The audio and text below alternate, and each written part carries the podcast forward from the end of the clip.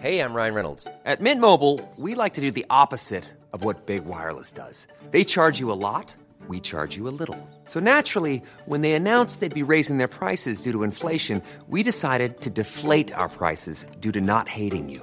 That's right. We're cutting the price of Mint Unlimited from $30 a month to just $15 a month. Give it a try at mintmobile.com slash switch. $45 upfront for three months plus taxes and fees. Promo rate for new customers for limited time. Unlimited more than 40 gigabytes per month. Slows. Full terms at mintmobile.com.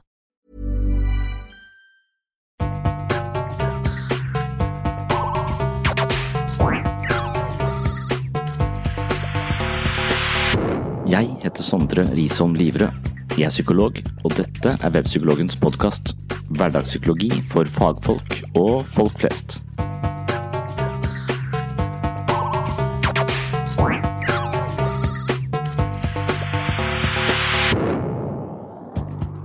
Hei og velkommen til episode 38 av Sinnssyn.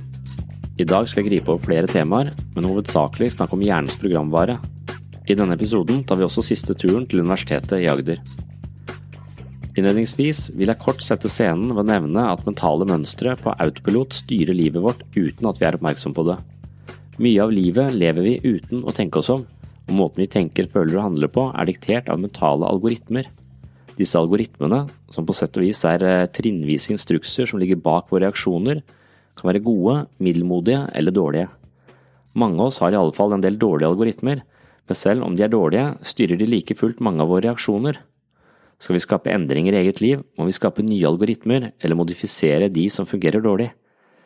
Her vil man innenfor psykologi påstå at eh, bevissthet er nøkkelen til et rikere liv. Mer bevissthet er også nøkkelen til å gjøre oss selv oppmerksomme på algoritmer som styrer livet i feil retning. Dette er en slags grunnantagelse innenfor det som blant annet kalles for kognitiv psykologi. I dagens episode skal jeg snakke mer om denne retningen. Før vi tar turen til universitetet, vil jeg også nevne at de som liker denne podkasten, forhåpentligvis også vil like Webpsykologens bøker om psykologi og selvutvikling. De er skrevet i samme ånd som denne podkasten, og du får bøkene til best pris med rask levering på webpsykologen.no. Ok, ferdig med reklame, og det er tid for siste langtur til Universitetet i Agder.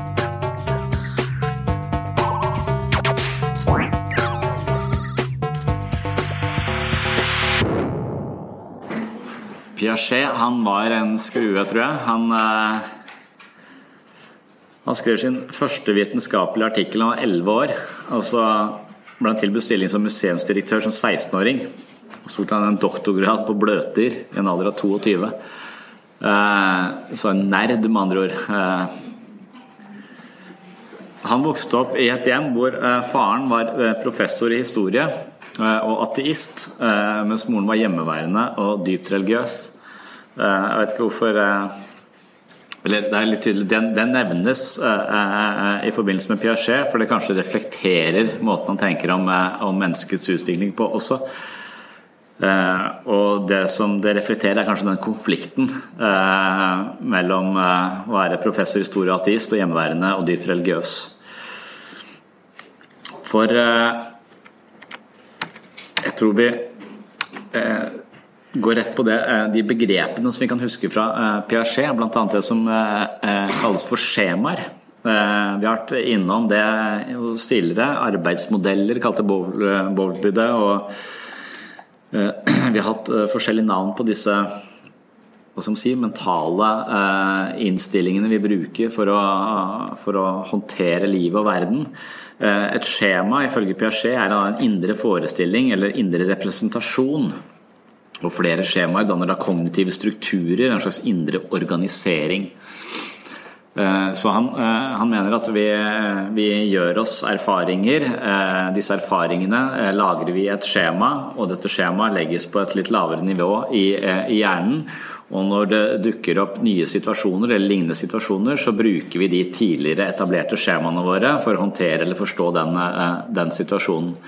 Men hvis den situasjonen da eh, overhodet ikke passer inn i de skjemaene vi har eh, etablert, eh, så får vi et problem, og så må vi revurdere eh, skjemaene våre.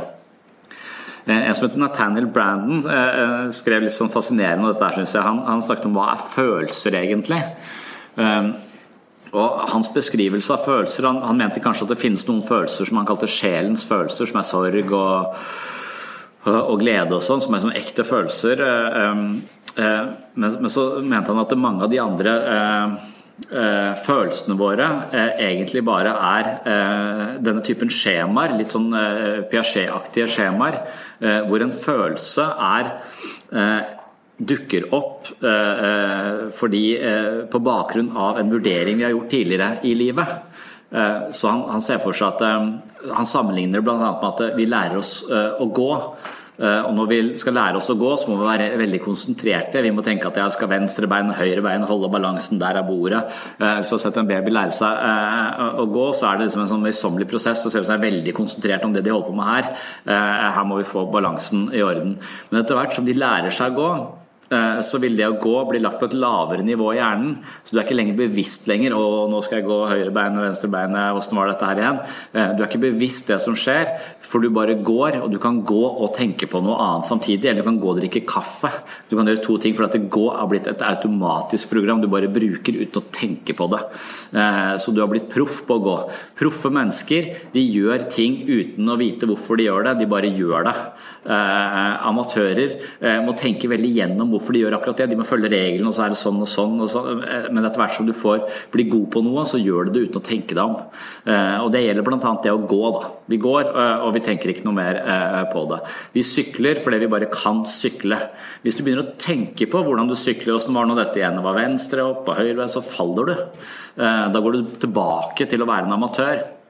Og det er jo på en måte noen som kanskje faller ut i at de blir veldig bevisst alt.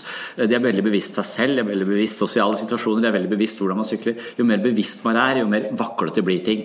Hvis du klarer å bare hvile i deg selv og bare være, så går ting ofte, eh, ofte greit på autopilot. Da. Vi fungerer mye på autopilot, og autopiloten som Piaget snakker om det, disse skjemaene eh, vi bruker, det er autopiloten vår. Eh, og når det gjelder følelser i forhold til Nathaniel Brandon, så sier Brandon at vi gjør vurderinger av situasjoner på et tidlig tidspunkt i livet, og de vurderingene de legger vi eh, inn i hjernen som skjemaer som vi legger på et lavere nivå. Akkurat som det å gå eh, blir en egenskap som vi legger på et lavere nivå, som da senere vi bare gjør uten å tenke oss om. Og Det samme er det med, eh, med, med følelser. Så vi kan risikere da å, å, bli bitt av en rabiat hund som en fireåring. Så lager vi et skjema som sier at lodne dyr på fire bein er farlige.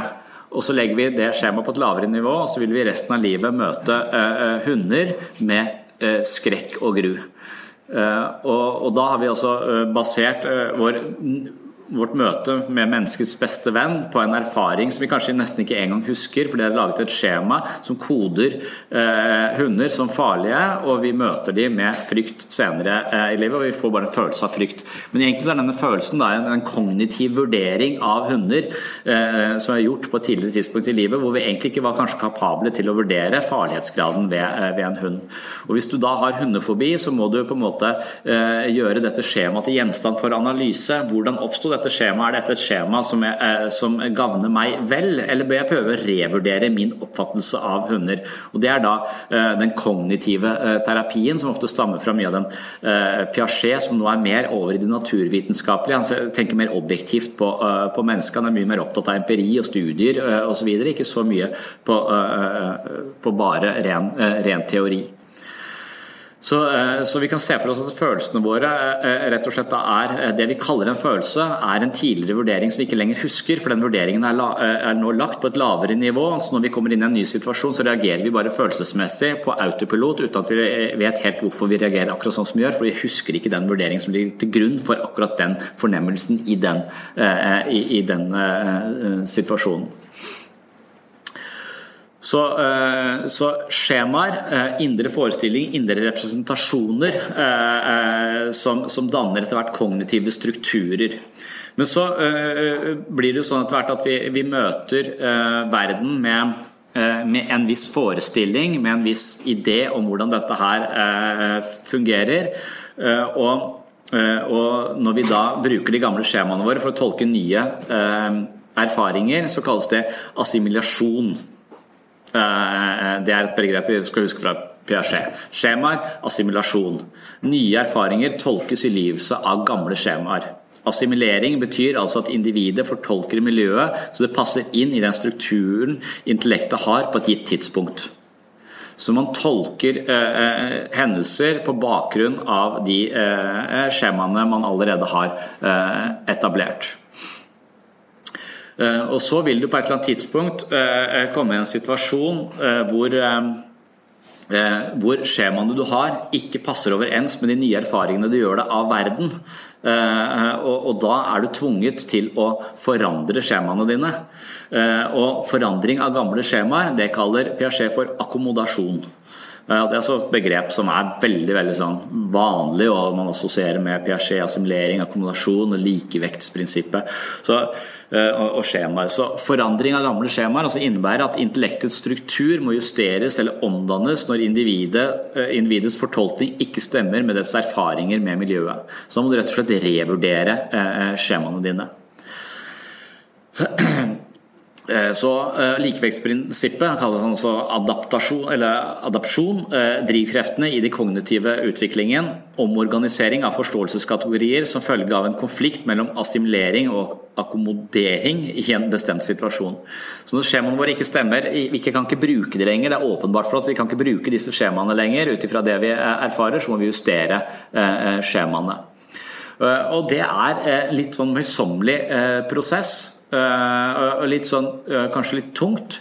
Eh, mens, men barn har ikke noe valg. Så utviklingspsykologien, sånn ifølge Ifølge Piaget blant annet, sier at vi som fra vi blir født til vi er oppe i 20-åra, kastes vi bare inn i stadig nye utviklings, inn på nye utviklingsnivåer, hvor de tidligere skjemaene våre plutselig ikke lenger fungerer tilfredsstillende, og så må vi justere de. Eh, og fra et nivå til et annet så vil, så vil vi ofte eh, angsten øke.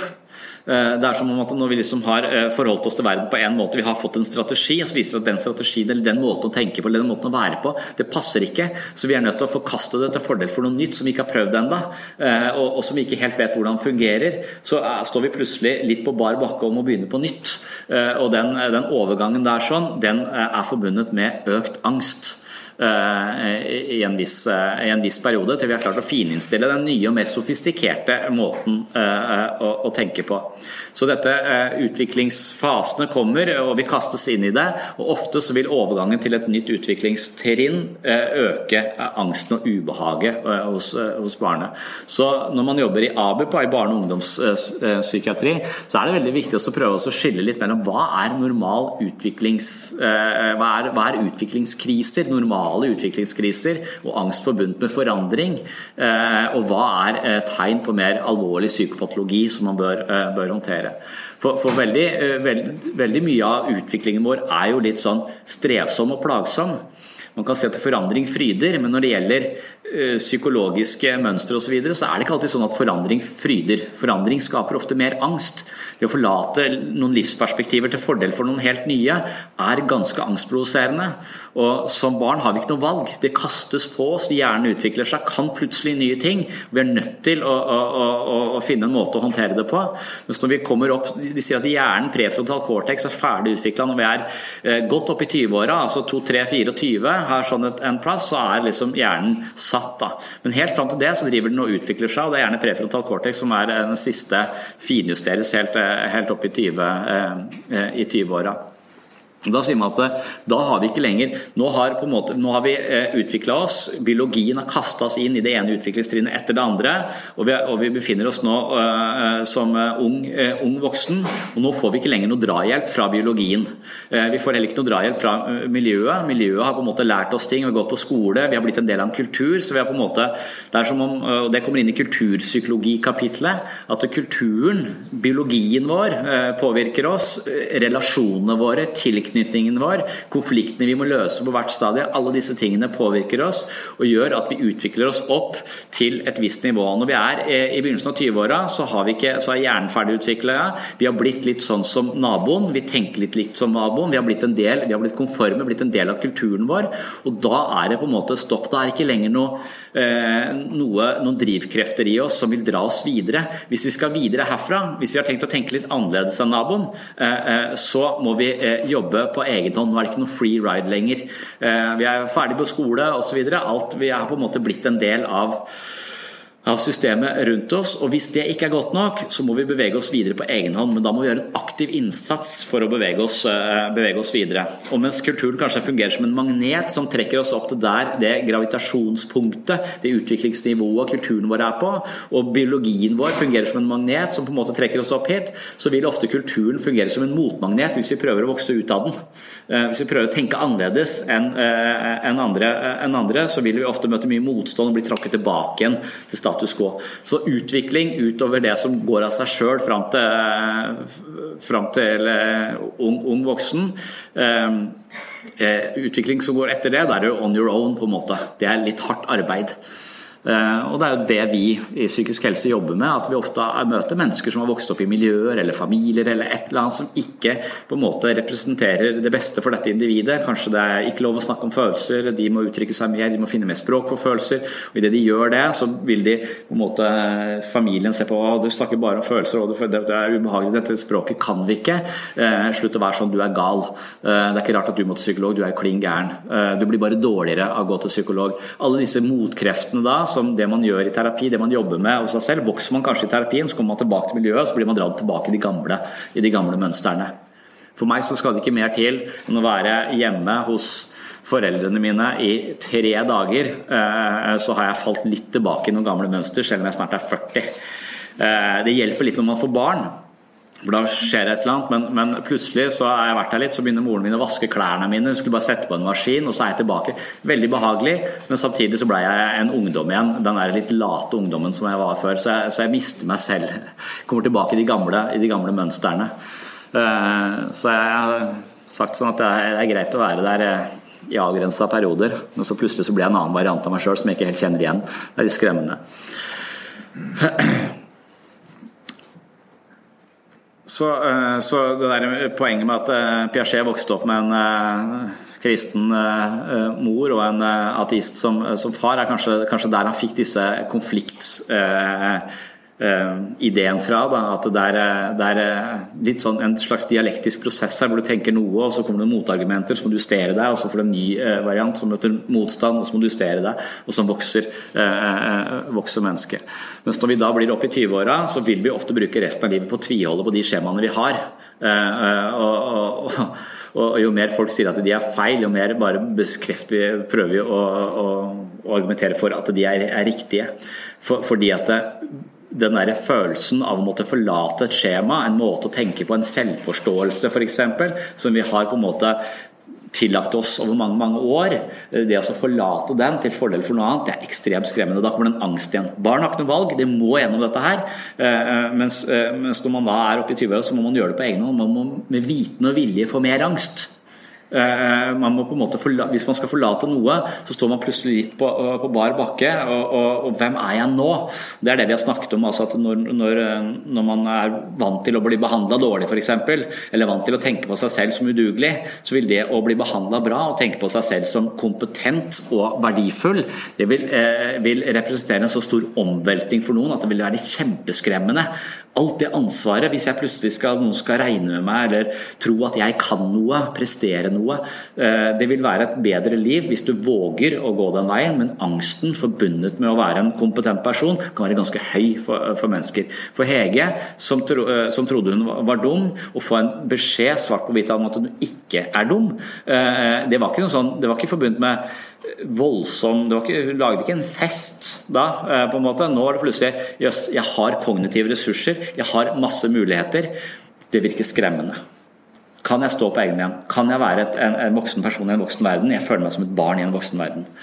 Eh, så, så, forandring fryder ikke alltid. Forandring skaper ofte eh, eh, mer angst. og Det er derfor det å drive med selvutvikling kan være vanskelig, for du må gå ofte gjøre det motsatte av det som eh, virker naturlig for deg. Eh, du må tåle mer angst. Det er det man sier i behandling. Altså, eh, når du kommer til meg så, og forventer at nå herfra og videre, eh, herfra og framover skal det bare bli bedre og bedre, så vil jeg ofte si at nei, herfra videre skal det bli helt jævlig før du eventuelt får det bedre. Eh, men når du da kommer ned i denne gropa hvor du virkelig begynner å miste fotfestet og miste deg sjøl, så er det veldig lett å gå tilbake i de gamle mønstrene. Hvis du da orker å stå i det, tørre å stole på at det er denne våge å miste fotfestet for ikke å miste seg selv, som er prosessen videre, så kan det være at noen eh, kommer opp på et nytt nivå som er langt mer sofistikert og bedre enn det de var på fra før, klarer å etablere seg der. Jeg tror jeg, tror jeg sa det, men jeg jobba i ABUP, så var det ikke så, så sjelden at det, når, når, dette med metakognisjon dukker opp, altså evnen til å tenke på sin egen tankegang Meta betyr over. altså når, når, du, når du, kan tenke på din egen tankegang, eh, det er en egen sånn eh, egenskap som dukker opp eh, sånn 10-11-12 års, 13 års alder, litt tidligere hos jenter enn hos gutter. Og, og, og, da kan det dukke opp en del rare symptomer. For det skjer en slags fordobling der. Hvem er det som tenker på hvem er. Hvis jeg tenker på min egen tankegang, hvem er det da som tenker, og hvem blir tenkt på? Eh, og det, det høres schizofrent ut. Det høres som en spaltning av deg sjøl. Eh, og det er det de også da snakker Noen uttrykker disse symptomene på en ganske sånn eh, sofistikert måte. Og når jeg snakker med disse unge menneskene som, som forteller dette her, så tenker jeg du sier akkurat det samme som Descartes sa. Eh, jeg tenker derfor er jeg. Jeg vet ikke om verden eksisterer. Verden kan kanskje bare være produkt av min egen tankegang. Du får en hel haug av sånne filosofisk underfundige, solipsistiske måter å, eh, å, å, forholde deg på, fordi du ikke har klart å finjustere denne metakognisjonen, hvordan den skal brukes. Så faller du ut i litt sånne rare spekulasjoner en periode, som man googler, og som man ser at det er symptomer på alvorlig sinnslidelse, schizofreni. Og det er det, men det er også en naturlig overgang til, en mer, til, en, til, til metakognisjon. Og litt sånn som du skal stille inn en radio på de gamle eh, FM-nettet, så måtte du justere litt før du fikk en i før du fikk en ren lyd. og Sånn må man kanskje av og til også med hjernen. Man må justere litt, man må tilpasse seg litt før man klarer å bruke det på en, eh, på en god nok måte og ikke bli totalt forvirra eh, av det. Så da har Piaget også sine helt sånne eh, egne eh, stadier. Han snakker, eh, Det vi kan huske fra Piaget, er dette med, med disse skjemaene som møter motbør og må justere seg. Det er sånn, sånn vi utvikler oss. Eh, men så er det også noen sånne faste eh, egenskaper som dukker opp. altså At hjernen får nye eh, egenskaper. Det blir nye ting tilgjengelig etter hvert som biologien på en måte trekker oss opp på nye, nye nivåer. Så Første stadiet det kaller han det sensomotoriske stadiet. Det er null til to år. Da begynner man å utvikle objektkonstans. Først så har man ikke det. altså når du har en leke der, og når du legger, legger den bak eh, et forheng f.eks., for så, så, så tror barna at leken er borte. Eh, de vet ikke at den er bak der. så det Objektkonstans holde noe, en idé om at ja, nå er den lagt bak der, så nå er den bak der. Jeg kan forestille meg at den er bak der. Borte, ute av syne, er, er, rett og slett borte. Men etter hvert så klarer man å få objektkonstans, man kan se for seg at ja, selv om det, eh, den er borte nå, så er den der likevel. Det er det jeg har snakket om, hvor, hvor de har møtt de tidligere teoriene med overgangsobjekter og, sånn. Eh, hvor man kan snakke med barna sine om at vi er i hjertet til hverandre. Så når jeg ikke er der, så er jeg likevel på en måte med deg, for du kan tenke på meg, og så er vi sammen på en måte, og jeg kan tenke på deg. Og så møtes vi seinere. Så, så, så, så, det er sånn en trening på objektkonstans, kan man si. Det neste eh, stadiet, altså to det preoperasjonelle stadiet. Eh, her er operasjon, altså mentale prosesser. Eh, her mangler, eh, mangler barnet eh, det som heter reversibilitet. Og det, kan du godt lese dere til. ikke, Vi har ikke for litt liten tid til å gå gjennom alle disse, disse stadiene. Men barns symbolbruk vil på dette stadiet være noe begrenset. Og abstrakt tenkning vil i hovedsakelig basere seg på enveislogikk. Dvs. Si at barnet ikke klarer å reversere handlinger eller tenke seg til hvordan man gjør trinnene i en motsatt, eller handlingene i motsatt rekkefølge. Bl.a. blant annet dette med konservering. Eh, det er en sånn test man gjør på barn. Og Det er her dette empiriske barnet kommer inn, dette observerte barnet. Eh, hvordan forholder du deg til, eh, til dette, og når klarer du å forstå dette med, dette med konservering? Dvs. Si at det, hvis du har et, et glass med vann som er høyt og smalt, så heller du det vannet over i en kopp som er lav og brei, eh, så vil eh, min sønn vil si at det, er mer vann. Det var mer vann i det høye glasset, for det var høyt, enn det som da de klarer, ikke, de klarer ikke å se for seg at hvis du tar det vannet og heller det tilbake, så vil det bli like høyt i dette glasset. De vil tro at det var mer vann i det høyeste, smale glasset, for det vannet sto høyere opp. De vil ikke se for seg, de klarer ikke å reversere denne prosessen, så de har en enveislogikk. på en måte, De klarer ikke å se det, se det baklengs.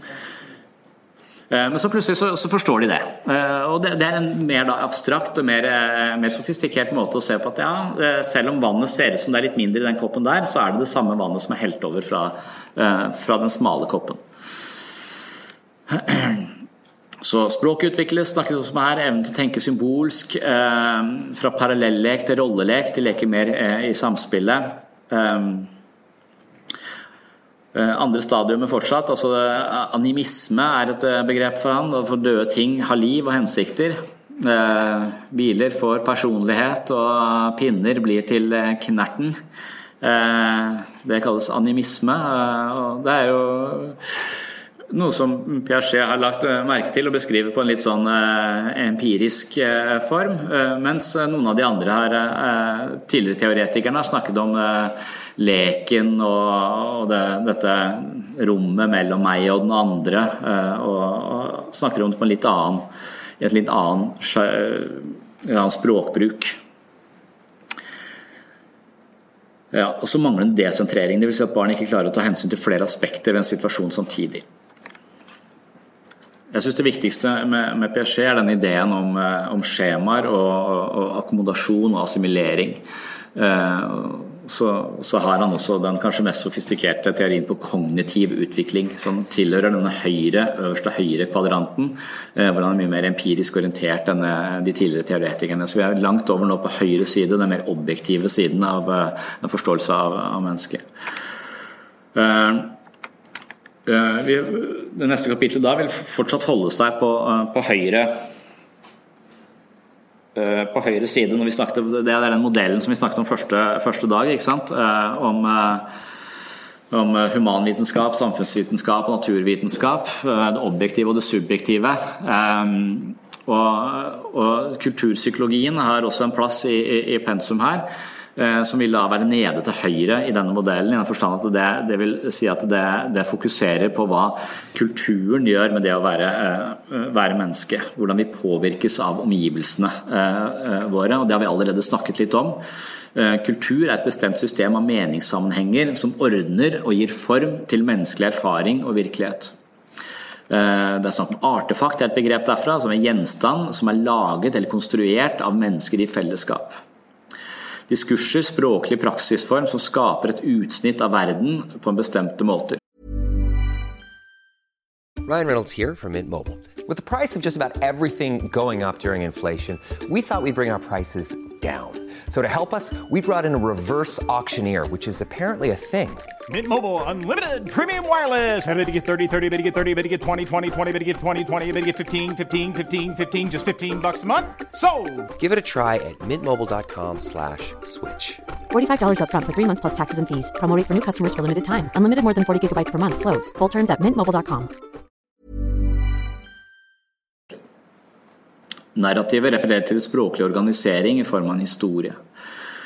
Så kulturpsykologien eh, beskriver eh, litt mer hvordan miljøer og bestemte kulturer også påvirker eh, oss eh, som mennesker. Det snakker om hvordan, eh, hvordan, vi bruker språket, hva slags mytologier vi lever etter, hva slags fortellinger vi har om oss selv eh, i, i forhold til verden. Eh, og der kan man, det, er sånn viktig, eh, Kultursyklingen har et veldig viktig bidrag eh, også når man jobber klinisk og, og, og med mennesker. For det, det, er litt viktig å være sensitiv til, til, til menneskers kultur og hvor, og hvor de kommer, kommer, ifra. For det, er, jeg har blant annet, husker jeg hadde en, en, en dame som kom fra et sted eh, i et afrikansk land eh, hvor det var eh, kom fra en liten landsby hvor det var eh, relativt dårlige kår for kvinner. Eh, helt forferdelige kår, eh, faktisk. Så, eh, så, når jeg leser og snakker med henne og leser i journalen at hun er voldtatt 34 ganger, så begynner jeg å snakke om at dette må jo være en posttraumatisk stresslidelse, og du har de og de, du kan forvente de og de symptomene. Altså at jeg, jeg bruker min forståelsesramme på hva skjer med et menneske som er voldtatt eh, 34 ganger.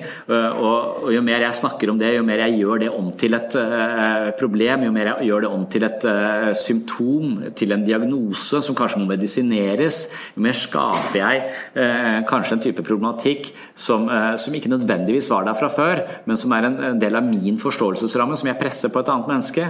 Og Det viste seg etter hvert eh, at eh, hun hadde ikke flashbacks, hun var ikke dypt og inderlig traumatisert. Akkurat hva disse voldtektene har gjort med det, men hun kjente ingen fra sin fra der hun vokste opp, så alle, hadde alle blitt utsatt for dette. Det var nesten ingen som ikke hadde vært utsatt for en eller annen type overgrep eh, der hun kom fra. Og hennes problem var ikke nå de overgrep som hadde skjedd da, hennes problem var nå at hun hadde så lyst til å bli kjent med, eh, med nabolaget og damene i nabolaget, og visste ikke helt hvordan hun skulle klare å komme inn i det miljøet der. Så hun følte seg bare utenfor. Hun følte seg bare annerledes og ønsket å, å, å komme inn og bli en del av fellesskapet i det, i det området hvor hun bodde. Og da var det jo helt eh, malplassert av meg å drive og fokusere på posttraumatisk stresslidelse, og jo mer jeg fokuserte på det, mer fikk hun det sikkert. Så, eh, så, vi kan jo med, Det er det som er litt skremmende med språket og, og, og, og, det språklige praksisformen, at det, på en måte så kan det åpne verden. Vi trenger språk. Jo mer språk vi har på vårt indre liv, jo mer kan vi på en måte løfte det opp og forstå oss selv. Men vi kan også binde oss selv til snevre forståelser. Eh, så, så språket binder verden også, og kan på en måte risikere å skape og det er i denne i, i, denne, i, dette kapitlet at det som heter sosial konstruksjonisme osv. skaper verden. Eh, og Det er en sånn, litt sånn forhatt filosofi i våre dager. For de at det er, det, er, det, er, det er, språket, det er vår forståelse, det skaper verden. Så det på en måte språkspillet vårt er det som, som skaper sannheter, på en måte. Og da får vi fake news-fenomenet. Bare du skriker lenge og høyt nok om et eller annet, så blir det sant. Eh, det finnes ingen objektiv, eh, objektiv virkelighet.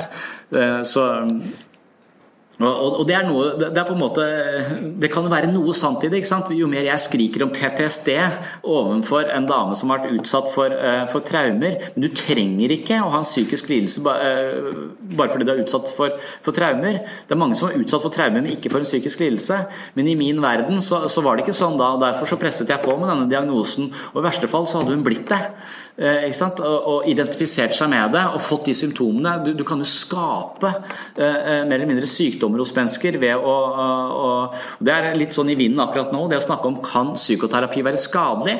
Eh, kan det å snakke om ting, snakke om traumer eh, osv. gjøre mer skade enn eh, en godt? Kan det være at terapeuten har noen egne forestillinger om hva dette betyr og hva dette innebærer, som den plantes i et annet menneske og det blir til virkelighet? Så Da skal man være litt forsiktig. Hva gjør diagnoser med oss? Vi skal klassifisere ting.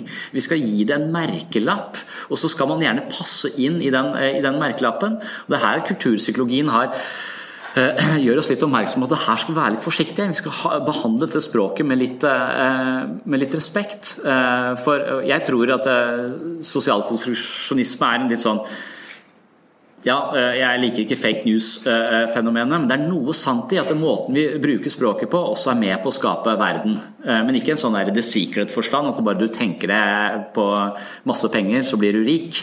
For det er noen som kjører det helt ut i den, i den i den enden der sånn. Men, men, jeg tenker på det med diagnoser, eh, f.eks. Og det å gi f.eks. barn diagnoser. Eh, hvordan kan du gi noen som forandrer seg fra dag til dag, eh, en diagnose? En diagnose er jo en sett med, med parametere og kategorier som skal på en måte beskrive en, en, en type fungering. Og jeg personlig gir jo barna mine diagnosen atferdsforstyrrelse ca. annenhver uke. Eh, de, får en utviklingsforstyrrelse. De hadde det senest nå eh, eh, tirsdag i forrige uke.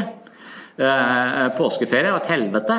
Da, da, tenkte jeg at her er det nok en utviklingsforstyrrelse, en alvorlig hjerneorganisk feil. Og, så, men så gikk det over, heldigvis. da. og at det kommer jo og går. ikke sant? Dette er jo mennesker, du, Vi forandrer oss fra sekund til sekund, og særlig barn. De forandrer seg hele tiden. Og når jeg har skrevet en del artikler sammen med en dame fra, fra India, så, så, sier hun nettopp det at dere i Vesten er så opptatt av å forklare ting og gi det merkelapper. Men i vår kultur så sier vi at helt fram til du er tolv år, så klassifiseres bare barn som et utrent sinn. Du kan ikke forvente noe som helst, eller du kan forvente hva som helst. De har ikke begynt å disiplinere sinnet sitt ennå. Og Da er det gjerne en sånn type meditasjonsting de, de, begynner med. altså Mental disiplin. De, de, tenker på hjernen som noe som skal trenes opp og utvikles. Eh, og at de da kultiveres inn i en annen praksis hvor man gjør akkurat det. Men fram til de er kultivert inn i den praksisen, så er de helt uforutsigbare. Og da får de ikke ADHD-diagnoser. De er bråkete og sånn og sånn. Eh, men, men det må man bare forvente, for det er et utrent sinn. Uh, og, mens vi kaller det ADHD og medisinerer det med uh, Ritalin uh, ganske raskt.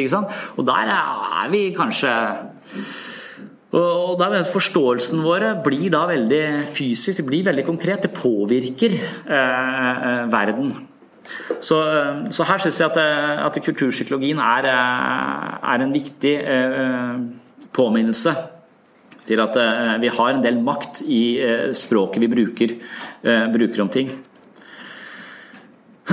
Ja. Det er denne modellen jeg snakket om.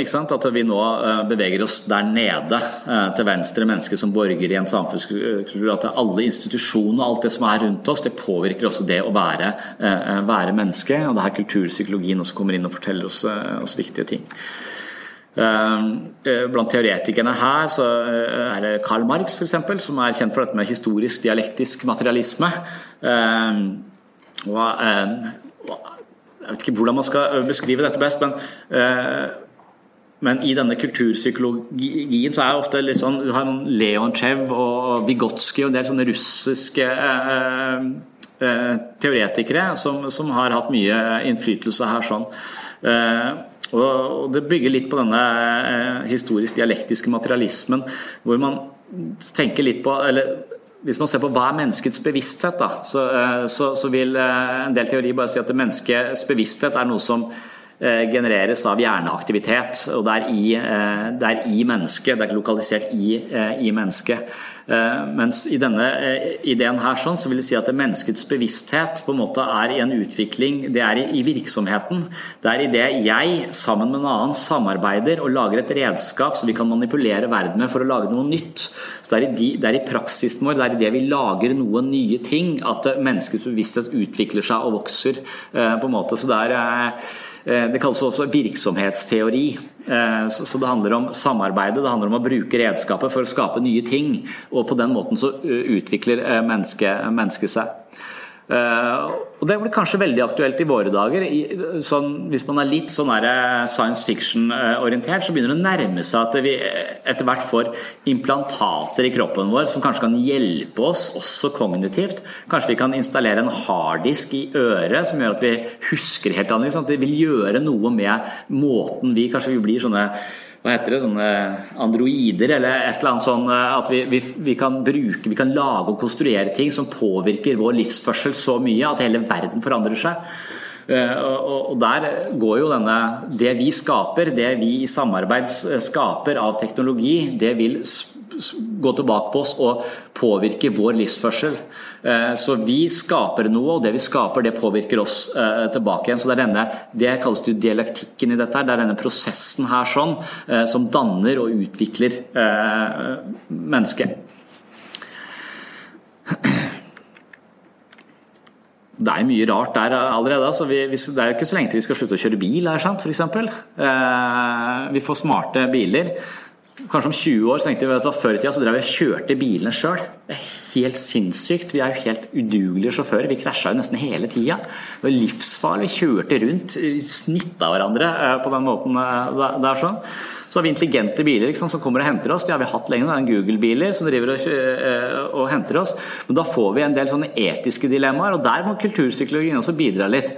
For da, da får du sånn Du må jo programmere disse bilene. Og da må du bestemme om bilen i en vanskelig situasjon skal han da kjøre på den gamle dama eller ungen. Hvem skal, hvem skal, ryke i en eventuelt vanskelig og farlig situasjon? Hvor skal smellen være? Disse bilene kommer til å krasje betraktelig mindre, men de kommer til å komme i farlige situasjoner. og Da må de gjøre prioriteringer. Hvordan skal vi programmere de prioriteringene? Du kan se for deg at du går rundt og kjøper en rasistisk Volvo. Eh, den er programmert til å kjøre på eh, den og den eh, typen etniske minoriteter eller sånt, og fremfor Det er utrolig mye merkelige ting du må, må, må ta hensyn og Derfor er det kjempevanskelig. Det, det ble gjort en undersøkelse på det der. Altså, hvis du spør folk hvis du skal kjøpe en smart bil som ikke skal kjøre sjøl, vil du da Eller hva syns vi om disse smarte bilene? Skal de i en vanskelig situasjon prioritere sikkerheten til sjåføren, eller skal de prioritere sikkerheten eh, til eh, fotgjengeren? Og Da er vår naturlige tilbøyelse si at nei, fotgjengere, myke trafikanter, de må vi ta hensyn til. Så vi svarer at vi må ta hensyn til fotgjengeren, men det er ingen som vil kjøpe en bil som tar hensyn til fotgjengeren og ikke sjåføren. Eh, så de bilene vil ikke, vil ikke bli solgt.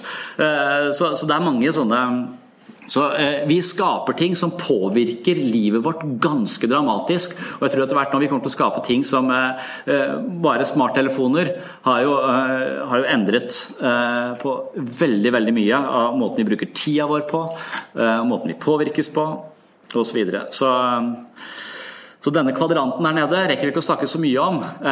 Men, men hva gjør iPad-barna, eh, på en måte. Hva skjer med oppmerksomheten til iPad-barna? Det kan man uh, lure på. Og nå, jeg er også veldig opptatt av mindfulness, altså oppmerksomhetstrening. Og det å trene sin egen oppmerksomhet, det betyr at du har kontroll. Du kan, du kan på en måte være herre i eget hus. Jeg styrer min oppmerksomhet. Mens vi lever i en verden som stjeler oppmerksomheten vår hele tiden. Vi trenger ikke å styre den selv, den bare fanges av det ene etter det andre. Så vi blir litt, sånn, litt som den narkomane blir liksom late i forhold til å være eh, på en måte agenten i vår egen oppmerksomhet. Den bare styres rundt uten at vi trenger liksom også, også fokusere den selv. Den fanges med at vi selv styrer den. Hva gjør det med utviklingen av, eh, av, av barn? Eh, så alle disse tingene er jo uhyre spennende å, å, å, tenke på. Det der at vi har plassert folk på, eller barn på institusjon, det er et ganske nytt fenomen. Da har vi holdt på med det bare sånn 20 år ca. Så det er nå barnehagebarna er Eh, er voksne. Eh, og, det er kanskje først nå vi egentlig kan se eh, hva det vil si å plassere ettåringer i barnehage, da, istedenfor å kalle det institusjoner litt mer ladet. Ja. Sosialkonsumisme har vi nevnt. Ja. Atferdsterapi. Vi har også vært inne på det. Vi rekker ikke å se den filmen, eh, men eh, Clockwork Orange eh, tok for seg det fenomenet der. Og på bildet der så er det jo Alex, som er en kronisk eh, forbryter, eh, voldsmann og overgriper, eh, som har en gjeng som går rundt og voldtar og slåss. Det er det de driver med. Og så drikker de melk på en bar som heter Corona, ja, en melkebar, hvor melken kommer ut av pupper. Eh, dette er Stanley Kubrick sitt sånn mesterverk, 'Clockwork Orange', eh, som, som, sier noe om den tids, eh, tidsånden som vi, vi, lever i. Og Han tar også for seg dette med atferdsterapi. Det som skjer med han fyren der, sånn, er at han blir til slutt satt i fengsel, og han er helt uhelbredelig. Men det de gjør med han, er at de, de kjører i han et stoff som gjør at han blir kvalm. Eh, og så tvinger de opp øynene hans, så drypper de øynene hans mens han ser på vold, sex og faenskap på en, eh, en, skjerm i flere dager i, eh, i strekk. Og når han ser på all denne volden og faenskapen, så har han også indusert dette stoffet i kroppen som gjør at han blir kvalm. Så da neste gang han eh, går ut og skal prøve å voldta noen eller slå ned noen, så vil han idet han skal til å slå, få en følelse av kvalme, fordi han også assosierer vold med, eh, med fysisk eh, illebefinnende. Eh, og det er sånn han da på en måte Atferdsterapien er ute etter å, å manipulere menneskets atferd på sånn måte at vi gjør, ikke gjør det som er kriminelt da, i, denne, i denne forstand. Eh, og jeg mener jo at det, eh, det, er effektivt. Eh, det er ikke så populært lenger, men det er jo det vi var inne på i stad. Hun psykiateren som, som tvinger folk til å vaske hendene i do, for så å tørke seg i håret. Det er en, det er en sånn atferdsterapeutisk intervensjon som handler om at vi skal avlære en type respons, altså at det er farlig å være skitten på hendene. Det er ikke farlig. Det skal vi lære rent sånn fysisk ved å ta ta eh, hendene ned i do og lære det. BF Skinner er, eh, er kjent fra denne retningen. Han, han, mener at alt handler om stimulus respons. så Eh, så alt vi gjør, hvis det får en positiv konsekvens, så gjør vi det på nytt. Hvis det får en negativ konsekvens, så gjør vi det ikke på nytt. Og Det er sånn vi mennesker eh, dannes. Så Han er kjent for et sånt utsagn. Han sier at det, gi meg et hvilket som helst spedbarn, og jeg kan lage en tyv, en snekker, en lærer. Jeg kan forme det barnet akkurat sånn som du vil, bare ved å styre stimuli, eh, eh, respons. Det er en veldig så mekanisk forståelse eh, av, av mennesket. Ja. Pavlovs hunder, eh, altså kjent. Eh, jeg tror ikke vi går inn på, eh, inn på det. Men, men jeg tenker at det er, det er, noe i dette her, men i dette universet her også, dette veldig, er vi veldig over på det si, naturalistiske måten å se det på. Mennesket er rett og slett bare en avansert biologisk maskin, og alt vi gjør er et resultat av uh, tidligere uh, erfaringer, for enten positivt eller negativt, så, så, så, vil vi på en måte være helt determinerte. Vi er fullstendig determinerte, og, og vi kan påvirke mennesker ved å bare justere uh, responsene på det de gjør, så vil vi endre, endre de. Eh, så det er en litt sånn, litt sånn kald og mekanisk eh, forståelse av mennesket. Men jeg tror det kan være en ganske effektiv uh, måte å intervenere på også. Og jeg diskuterte det en gang med, med en som het Marit, som jeg har skrevet om i en av bøkene jeg har skrevet. at hun, hun, hun, Jeg tror jeg nevnte den for dere også. Hun, hun var livredd for å dø. Og så var hun sånn 7-28. Og så var hun veldig overvektig, og alle i familien hennes hadde diabetes eh, og eh, en historie på hjerte- og karsykdommer. Eh, og hun var overvektig, hun var livredd for å dø. Likevel så levde hun en livsstil som var på en måte en snarvei til døden. Hun drakk halvannen liter cola hver dag. Så denne frykten for å dø, når hun var hjemme da, åpna kjøleskapet, helte opp et glass cola, drakk dette glass cola, ett skritt nærmere en sikker livsstilssykdom med døden til følge på et kortere tidspunkt, eller før hun hadde tenkt seg. Så vi er helt like på det. Jeg er redd for å dø, men jeg gjør jo masse ting for å unngå dø. Hun var livredd for å dø, men hun gjorde ting som ville fremskynde den prosessen. Sånn det er ikke sikkert, men, men, men, men, sannsynligvis. Og da er det, Hva skjer akkurat idet du tar dette glasset eh, med cola? Det er som om hun ikke har noen fri vilje. Det bare, det bare skjer. Hun klarer ikke å handle uh, annerledes. Men, tenker jeg, hvis jeg hadde gitt deg strøm hver gang du nærma deg det kjøleskapet, og hvis jeg hadde gitt deg strøm hver gang du tok i colaflaska, så at du var nødt til å drikke vann isteden, da tror jeg kanskje at vi kunne forlenga livet ditt, men også gitt deg noen traumereaksjoner som vi kunne behandla i en, eh, en annen fase av, terapien. Men, men, det er litt sånn man tenker at hvis du da eh, forbinder et eller annet med en eller annen ubehag, så vil du ikke gjøre det igjen. Så vi kan eh, rett og slett eh, Eh, fjerne en type responser som vi ikke ønsker, eh, ved å f.eks. gi strøm. Da. Men Det er ikke så vanlig. Det er mer vanlig å forsterke god oppførsel. Det er det jeg gjør med barna mine. Det er jo atferdsterapi. Jeg gir dem klistremerke hver gang de ikke krangler. Uh, og så gir jeg det, I en fase så gir de klistremerke hver gang de tisser på do.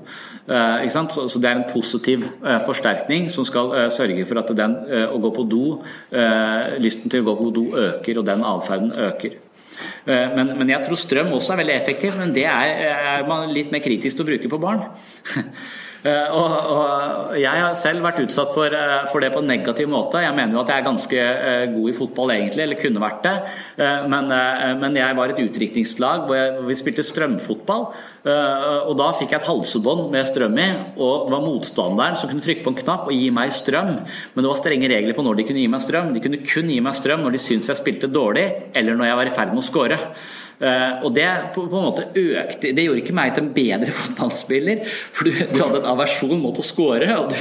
Så, så det, ja, det, ble veldig forvirrende. Så jeg tror strøm fungerer. Eh, så, men denne atferdsterapien den, den, har en eksistensberettigelse, men det menneskesynet som ligger bak det, er, er, nok noe som mange vil være litt sånn skeptisk til. Det å se på mennesket som en sånn eh, litt avansert maskin vi bare kan justere. Det er noe sånn kaldt uh, over det. Så um, og det jeg skulle si om han der Alex, da, eh, det siste jeg skal si nå for det, det, eh, de, de, tvang han til å se på vold, og sånn at han skulle assosiere um, det å utøve vold med, eh, med, å bli fysisk kvalm, så han klarte ikke lenger å utføre uh, vold. Men det eneste som var godt i livet til Alex, det var Beethovens 9. symfoni. Han var veldig opptatt av klassisk musikk. Det var det eneste gode han hadde i livet sitt. Og en eller annen grunn, uten at de visste det, så spilte de Beethovens 9. symfoni over høyttaleranlegget mens han så på vold på skjermen. Så han fikk den samme versjonen mot det eneste som var godt i hans liv, altså Beethovens 9. symfoni. Så hele livet hans ble ødelagt, så han prøvde å ta livet sitt til slutt. Det eneste han hadde som var bra, var jo Beethoven men det ble også da assosiert med kvalme, så han kunne ikke lenger høre på, på klassisk musikk. Eh, så, så, det er liksom det tragiske eh, i den, i den historien også. Eh, ja, da begynner vi å nærme oss. Vi har fire minutter igjen, faktisk. Men Atferdsterapien og disse Pavlov og, Skinner og sånn, de også, de baner vei for det vi i dag kaller kognitiv øh, psykologi og kognitiv terapi, fordi man ser på måter å tenke på som en form for atferd. Vi skal justere disse, øh, disse, tenkemåtene for å justere, øh, justere livet, livet, vårt. Det er litt på de prinsippene som dr. Phil opererer. Men eh, dr. Phil mener eh, istedenfor å drive med strøm, da, eh, så, så, har jo han et eksempel med den tykke damen, hun som var overvektig. Og han mener at du må se på årsaken til hvorfor du gjør ting. Så istedenfor å strømme hun som drikker cola, så burde man kanskje se på årsaken til hvorfor hun, hun drikker cola hver dag. Og det er kanskje en mer human og kanskje riktigere, selvfølgelig riktigere måte å se det på. For den tykke damen i hans eksempel, hun er overvektig, og så går hun ned. Hun går på den ene slankekuren etter den andre, og hun går ned i vekt. og Så er hun nede i vekt i noen uker, og så eser hun ut igjen. Og Sånn går hele livet. Hun er som en jojo på, på, vekta. Og Det er problemet hennes. Men da mener han at du må se på hvorfor. Hva er gevinsten ved å gå opp i vekt? Hva er gevinsten ved å være overvektig? Hvis du skjønner gevinsten, hvis du skjønner hvorfor du gjør det, først da kan du endre atferd, mente han. Og da, ved å snakke med denne damen, så, så, så åpenbarer det seg en del overgrep. ikke sant? At hun har vært utsatt for flere seksuelle overgrep. Og, og, når hun blir tynn, så får hun oppmerksomhet fra menn. Og når hun får oppmerksomhet fra menn, så blir hun skremt og redd. Eh, og en beskyttelse mot det er å være overvektig, for da får hun mindre av de blikkene som hun ikke tåler. Eh, så dermed så er det en helt klar grunn til, men som ikke nødvendigvis er bevisst, det er grunn til den atferden hennes hvor hun plutselig overspiser igjen og blir, eh, og blir stor. Så vi må finne årsaken, vi må finne hva som ligger til eller bakgrunn for disse, som ligner mer på de teoriene vi har, eh, har snakket, om, eh, snakket, om, tidligere i, det, eller i, eh, i dette pensumet. Da, da, var det ikke mer. Og, men hvis dere er interessert i psykologi, hvis dere er interessert i, i, den måten som jeg snakker om psykologi på, så følg Webpsykologen på, på, Facebook, eller besøk den siden. For der vil dere finne igjen disse foredragene som jeg har hatt her. Eh, jeg har en podkast eh, hvor jeg ofte tar opp mye av det jeg sier, og jeg sier dette her mange ganger, så der kan man finne det igjen. Så dere kan jo se på de plansjene som er på denne fronter, men dere kan også se på Webpsykologen, hvor dere finner mange av disse foredragene en gang til. Hvis det var noe dere ikke fikk med dere eller lurte på fordi at jeg snakker så fort at dere ikke får det med, med dere, f.eks. Så lykke til videre. Så eh, blir vi kanskje kollegaer en gang. Mm.